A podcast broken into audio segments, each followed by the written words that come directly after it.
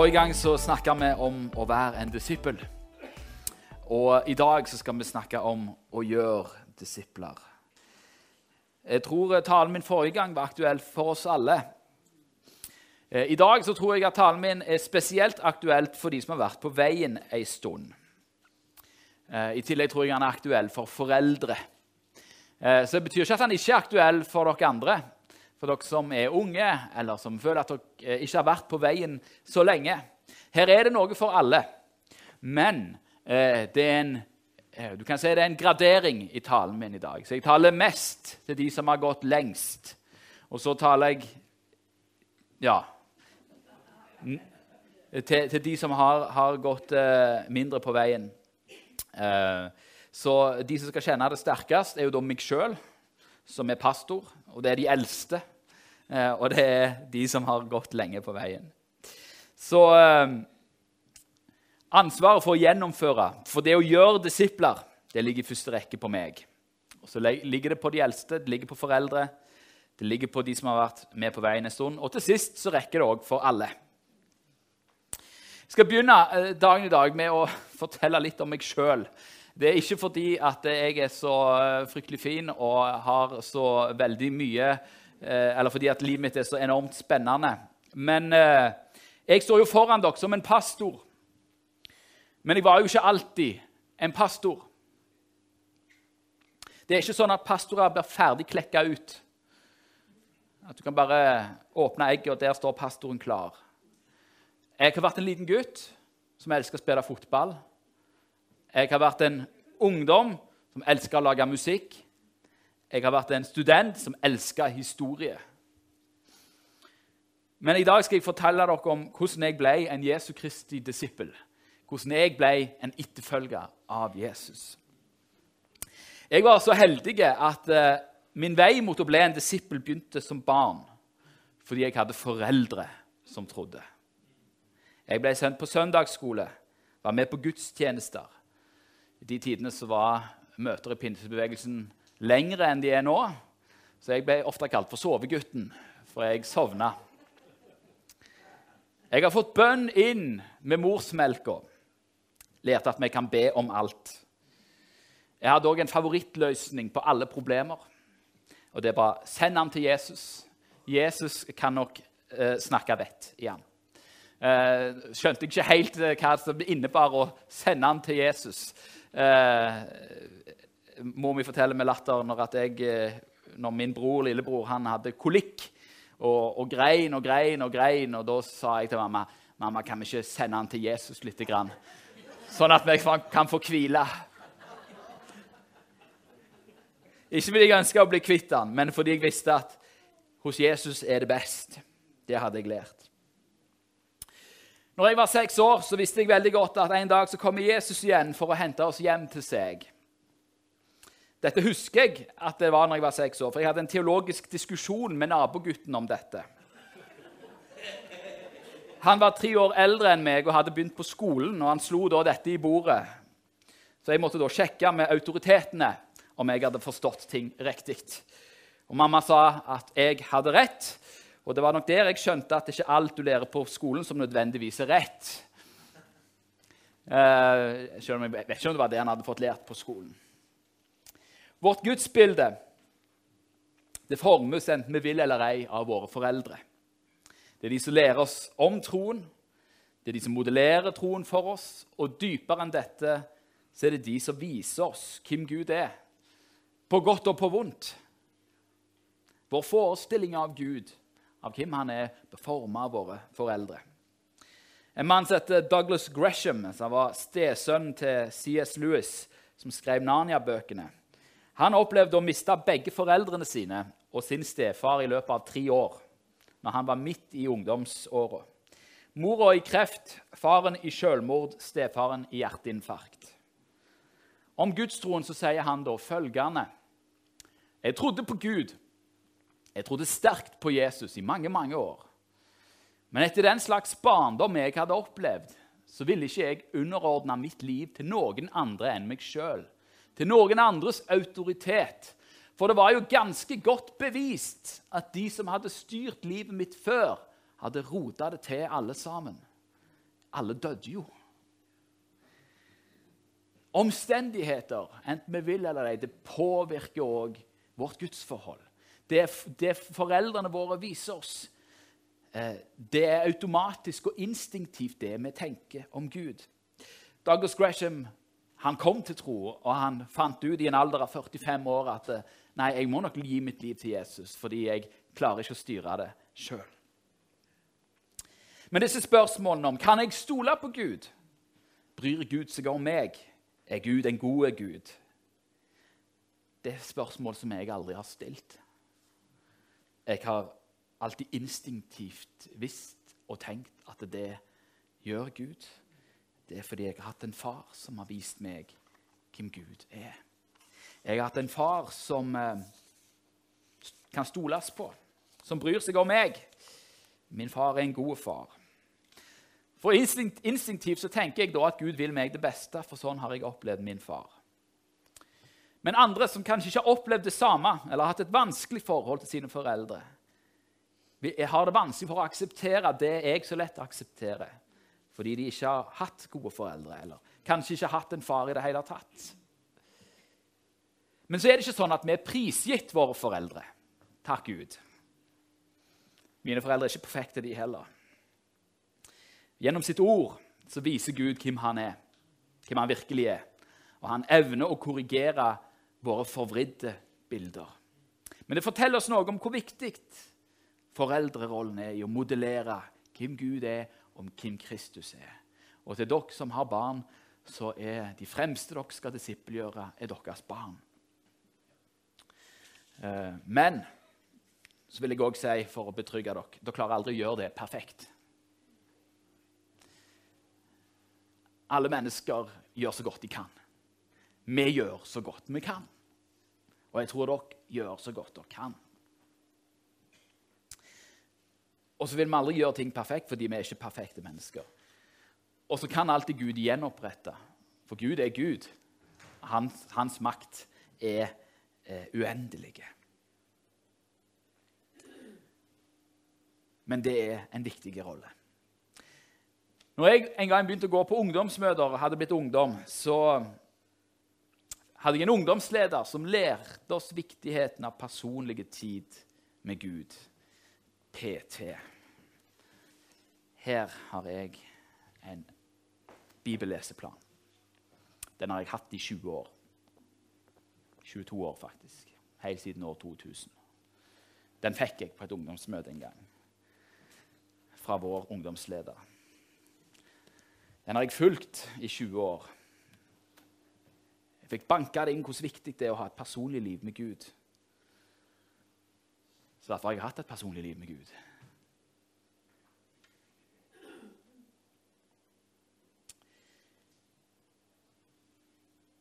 Jeg ble med i småfellesskap. Der ble jeg sett. Der fikk jeg lov å utfolde meg, prøve meg i gavene. I denne perioden er det spesielt tre unge menn som blir avgjørende for mitt disippelliv. Jeg er 13, 14, 15. De er henholdsvis 18. De er tidlig i 20-åra og seint i 20-åra. Mellom fire til ti år eldre enn meg. De så meg, de lærte meg, de ba med meg. De modellerte troen for meg.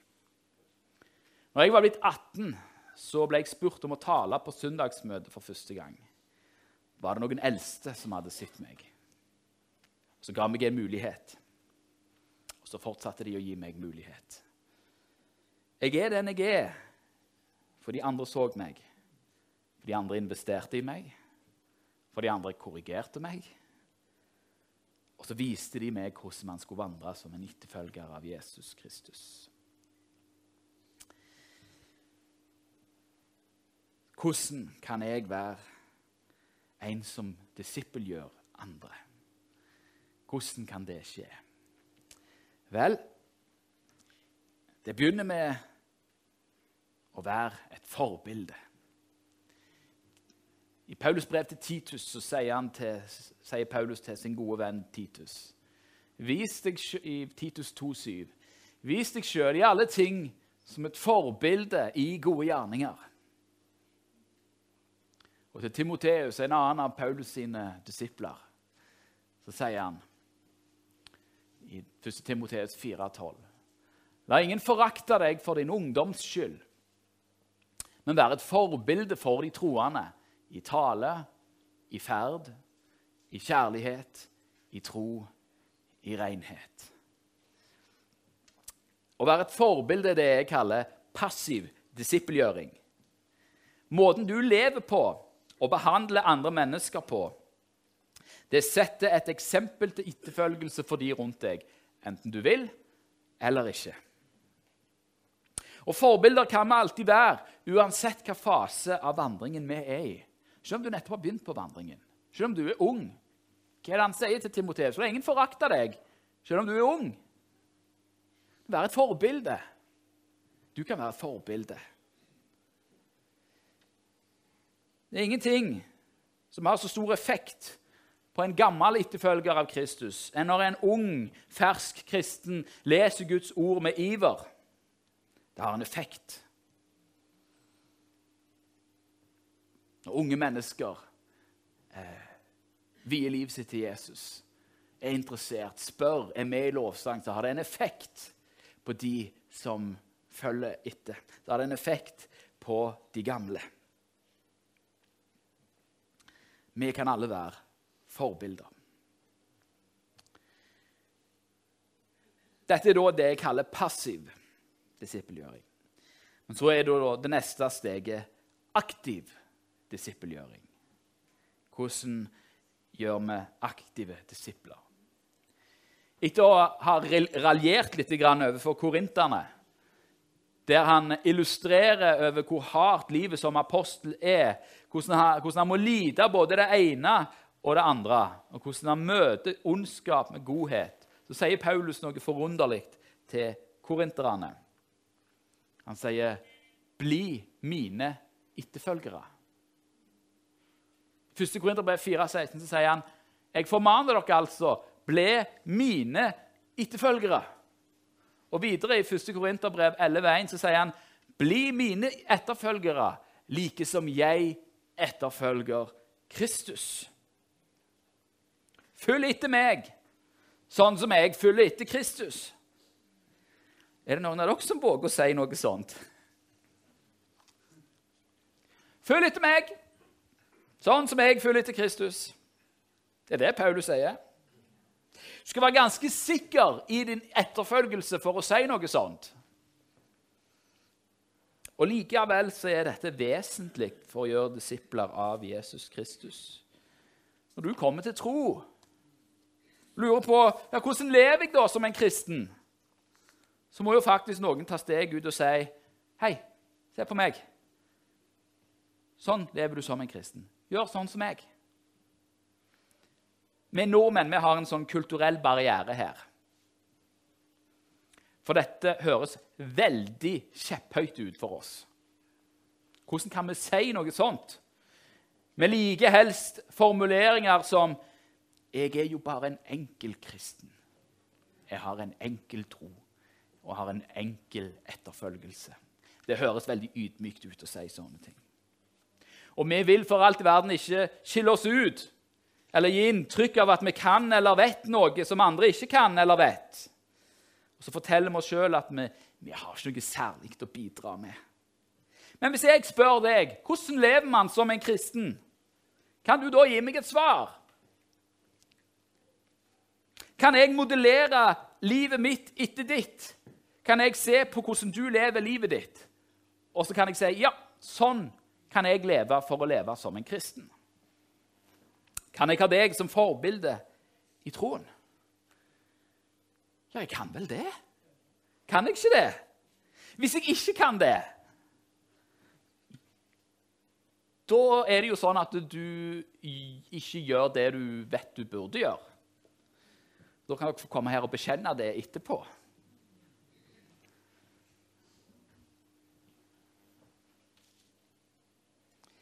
Jeg skal dele noen ord her som virker oppmuntrende på oss nordmenn. Spesielt de av oss som tenker om oss sjøl at vi ikke har så mye å komme med.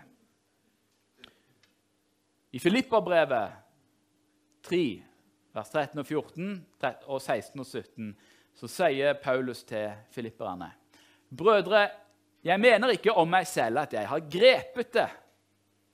Men ett gjør jeg. Jeg glemmer det som ligger bak, og strekker meg ut etter det som er foran, og jager mot målet, til den seiersprisen som Gud har kalt oss til der ovenfra i Kristus Jesus.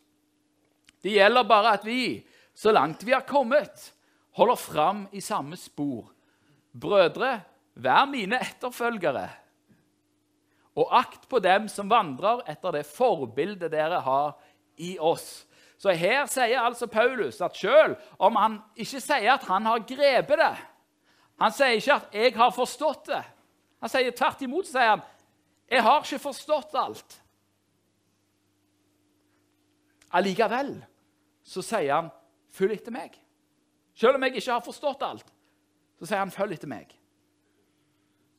Og, og følg det forbildet. Følg etter de som, som uh, har oss som forbilder. Hvorfor sier han det? Jo, fordi han er grepet av Kristus. Han er grepet av Kristus. Kristus har grepet Paulus sitt hjerte. Og Derfor så jager han mot målet. Han, han, han, lengter framover mot Kristus. Han har Kristus for øya, og det er det som er nøkkelen. Hvis jeg sikter på Kristus, ja, så er det trygt å følge. Sant? Og da er det trygt å følge deg òg, fordi du sikter på Kristus. Da kan du òg være en som sier, 'Kom, skal jeg vise deg hvordan du sikter på Kristus og går mot Kristus'. Hvis du er grepet av Kristus, strekker deg ut til det som ligger foran, jager mot målet, tror du da at andre kan følge etter deg for å lære å følge Jesus? Ja, selvfølgelig. Selvfølgelig.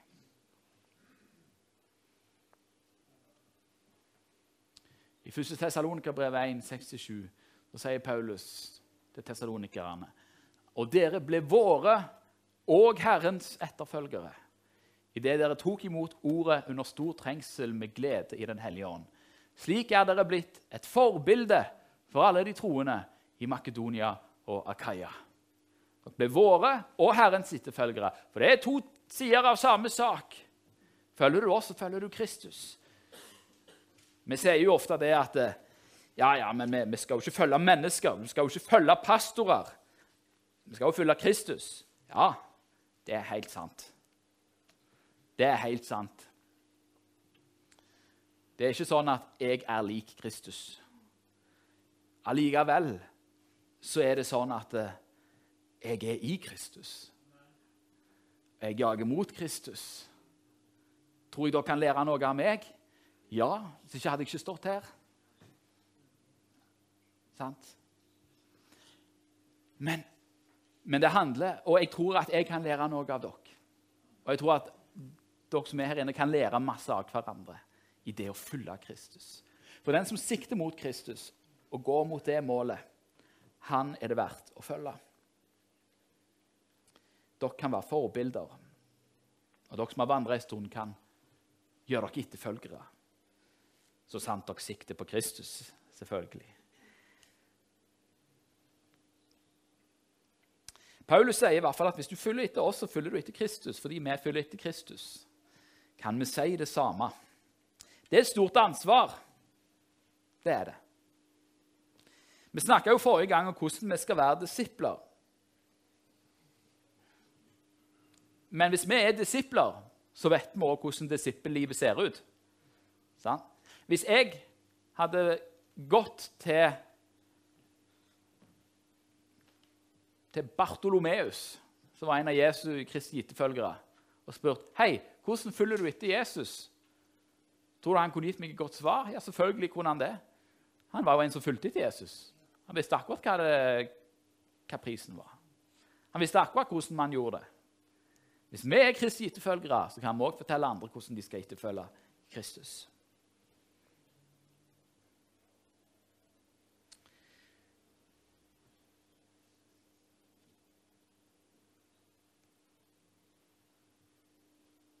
Jesus sier noen ting om eh, På slutten av hvert evangelium så kommer han med en misjonsbefaling. I Markus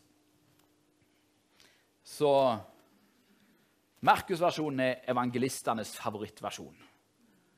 For den går sånn som dette. Markus 16, 15. Og han sa til dem, gå ut i all verden og forkynn evangeliet for all skapningen.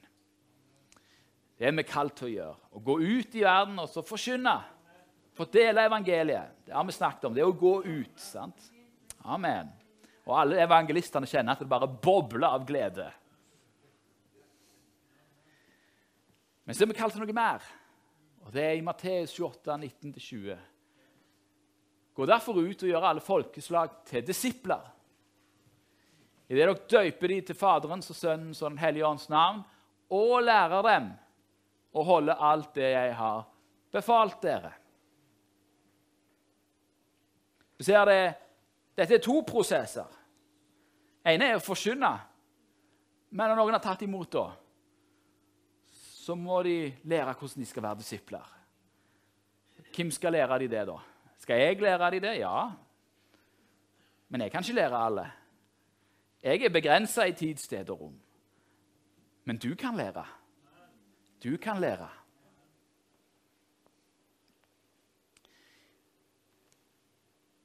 I 1. Korinterbrev 3,6 sier Paulus at 'jeg planta'.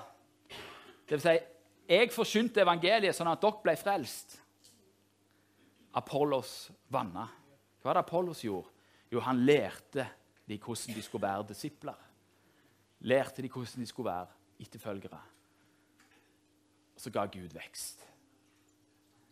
Gud gir vekst. Det er Gud som kaller. Det er Gud som kaller på, på, på mennesker. Og så er det Gud som, eh, som, eh, som er den som disippelgjør til syvende og sist. Jeg har blitt disippelgjort av Jesus. Av og til direkte av Jesus, ofte gjennom andre mennesker. Sånn kan vi få lov til å gjøre Guds gjerning.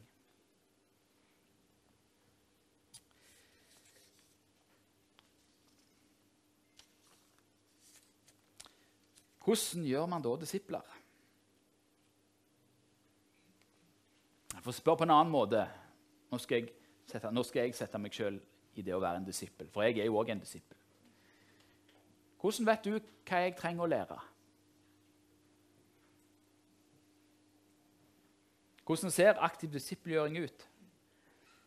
Forrige gang så snakket jeg om at idealet for en disippel det var å vandre tett på sin mester. Jeg er jo ikke mesteren. Jesus er mesteren. Jesus har ettertrykkelig sagt at vi skal ikke la noen kalle oss for mester. Jeg er ikke mester. Jeg er en disippel av Jesus. Jesus er mesteren. Men når de tolv fulgte idealet og var tett på sin mester, så var de òg tett på hverandre. Sant? Peter fulgte Jesus, Johannes fulgte Jesus. Og fordi Peter og Johannes fulgte Jesus tett, så var de òg tett på hverandre.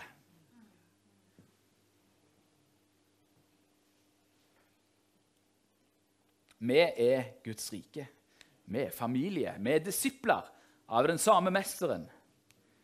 Og hvis vi er tett på vår mester, så fører det oss tett på hverandre. Hvordan vet du hva jeg trenger å lære? Du må jo kjenne meg, da. Du må kjenne meg for å disippelgjøre meg. Og det starter med interesse, med å lufte blikket for å se. Hvis vi ønsker å disippelgjøre hverandre, så må vi faktisk være interessert i de menneskene rundt oss. Vi må ha et øye for nye på veien et øye for unge. Vi snakket forrige gang om hvordan disippellivet handler om å motta læren. Det handler om å studere. Det handler om å gjøre som Jesus har gjort. Og bare en veldig liten del av den delen av disippelgjøringen skjer her. Dette er en plass der dere mottar læren. Litt sånn ferdig tygd I lettfattelig form, forhåpentligvis. Men hvor er det resten av disippelgjøringen skjer? Jo, det skjer over kaffekoppen. Det skjer på bilturen. I småfellesskapet. I sjelesorgen. Det skjer når vi spør hvordan går det Er det noe vi skal be for? Det skjer ikke bare på møtet, men i de mange møtene mennesker imellom. Livet som kristen og som en disippel det handler jo om å leve i en sånn stadig omvendelse. Og hver dag ta sitt kors opp og gå. Etterfølgelse er jo et valg. Men jeg kan oppleve det som et vanskelig valg når mitt liv møter læren. Eller kanskje snarere når mitt liv frustrerer seg i møte med læren.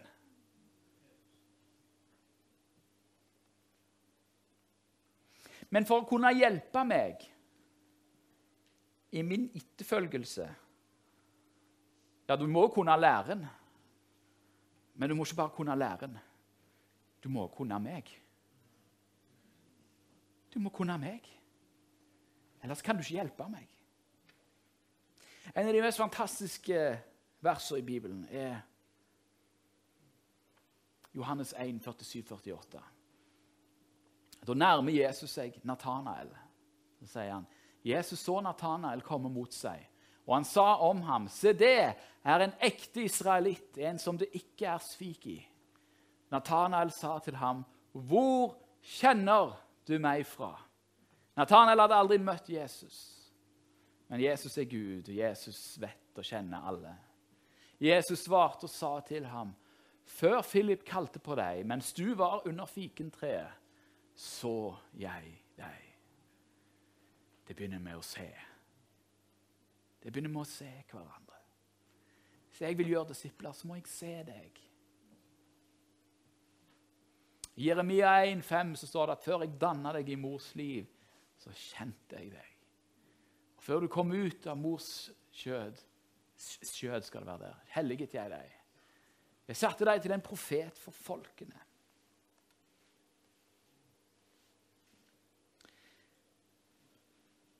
Hvis vi skal være disippelgjøre hverandre, så må vi se hverandre og så må vi kjenne hverandre. Da må vi bruke tid. Jeg, jeg nevnte disse tre mennene, unge mennene. Han ene var 18, han andre var 22. Så var det en som kanskje var 27. Unge menn alle. De så meg. De lærte meg de korrigerte meg.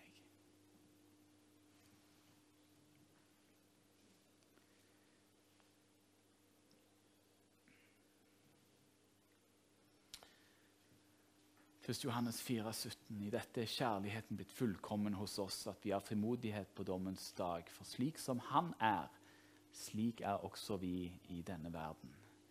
Jesus kjenner deg. Gud kjenner deg. Han kjenner mennesker. Og Det er derfor vi er kalt til å gjøre det samme. Til å kjenne mennesker og bli kjent med mennesker. Vi er kalt til å gjøre det samme.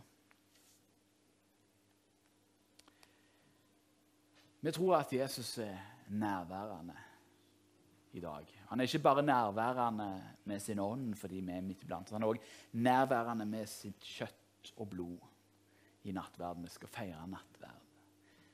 Jesus kjenner deg. Han er din mester, og du er hans disippel. Og jeg tror at eh, Jeg tror at Gud snakker til oss fordi han kjenner oss.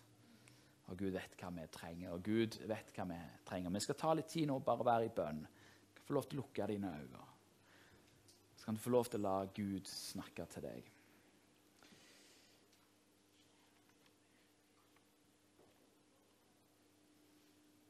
Så det er noen her som kjenner at Å, åh, jeg har ikke vært en flink person til å disippelgjøre. Kristus kommer ikke med fordømmelse. Han kommer med tilgivelse. Gud er ikke her, Jesus er ikke her for å gi deg dårlig samvittighet. Han er her for å istandsette deg til tjeneste. Gud er ikke her for å fordømme, han er her for å tilgi. Det er derfor vi har hans legeme, hans blod her. Men du som er en Jesu Kristi etterfølger, hva er det Jesus sier til deg denne morgenen? Kanskje minner han deg på noen som du skal disippelgjøre, som du skal bli kjent med og bry deg om. Kanskje minner han deg om eh, om noen som, som, eh, som du eh, ser opp til. Kanskje du skal gå og snakke med vedkommende og si 'Hvordan føler du Jesus? Hva er det du gjør?'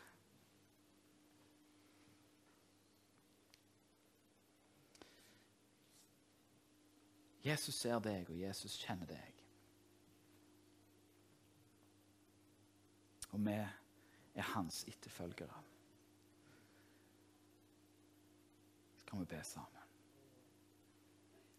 Herre Jesus, kom med din ånd nå. Så viser du oss hvem er det vi skal være med og disippelgjøre. Du ser disse unge mennene som ble så viktige i mitt liv. Du ser foreldrene mine som var så viktige i mitt liv for å disippelgjøre meg, for å vise meg hva det vil si å være en kristen og det å leve som en etterfølger av Jesus Kristus. Du ser alle samtalene, alle oppmuntrende ord jeg har fått. Du ser alt det som har blitt gitt meg, og du ser alt det som har blitt gitt til de som sitter her. Du ser hvem som har disippelgjort de. Du ser hvem som har korrigert de og ledet de fram på veien mot målet så bare ber jeg om at eh, man skal være sin egen rolle bevisst og se at ja, jeg kan være et forbilde. Ja, jeg kan vise noen hvordan det er å følge etter Jesus. Kjære Jesus, jeg ber om at du skal komme, og så skal du vise oss og lære oss.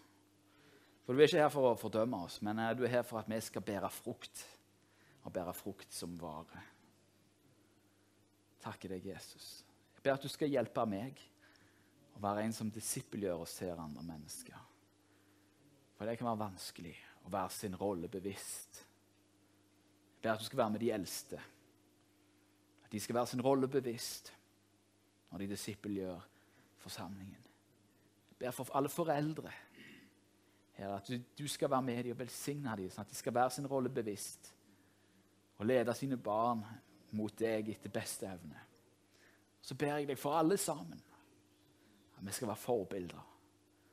Forbilder for hverandre i tro, i kjærlighet, i rettferd, i renhet. Kjære Jesus.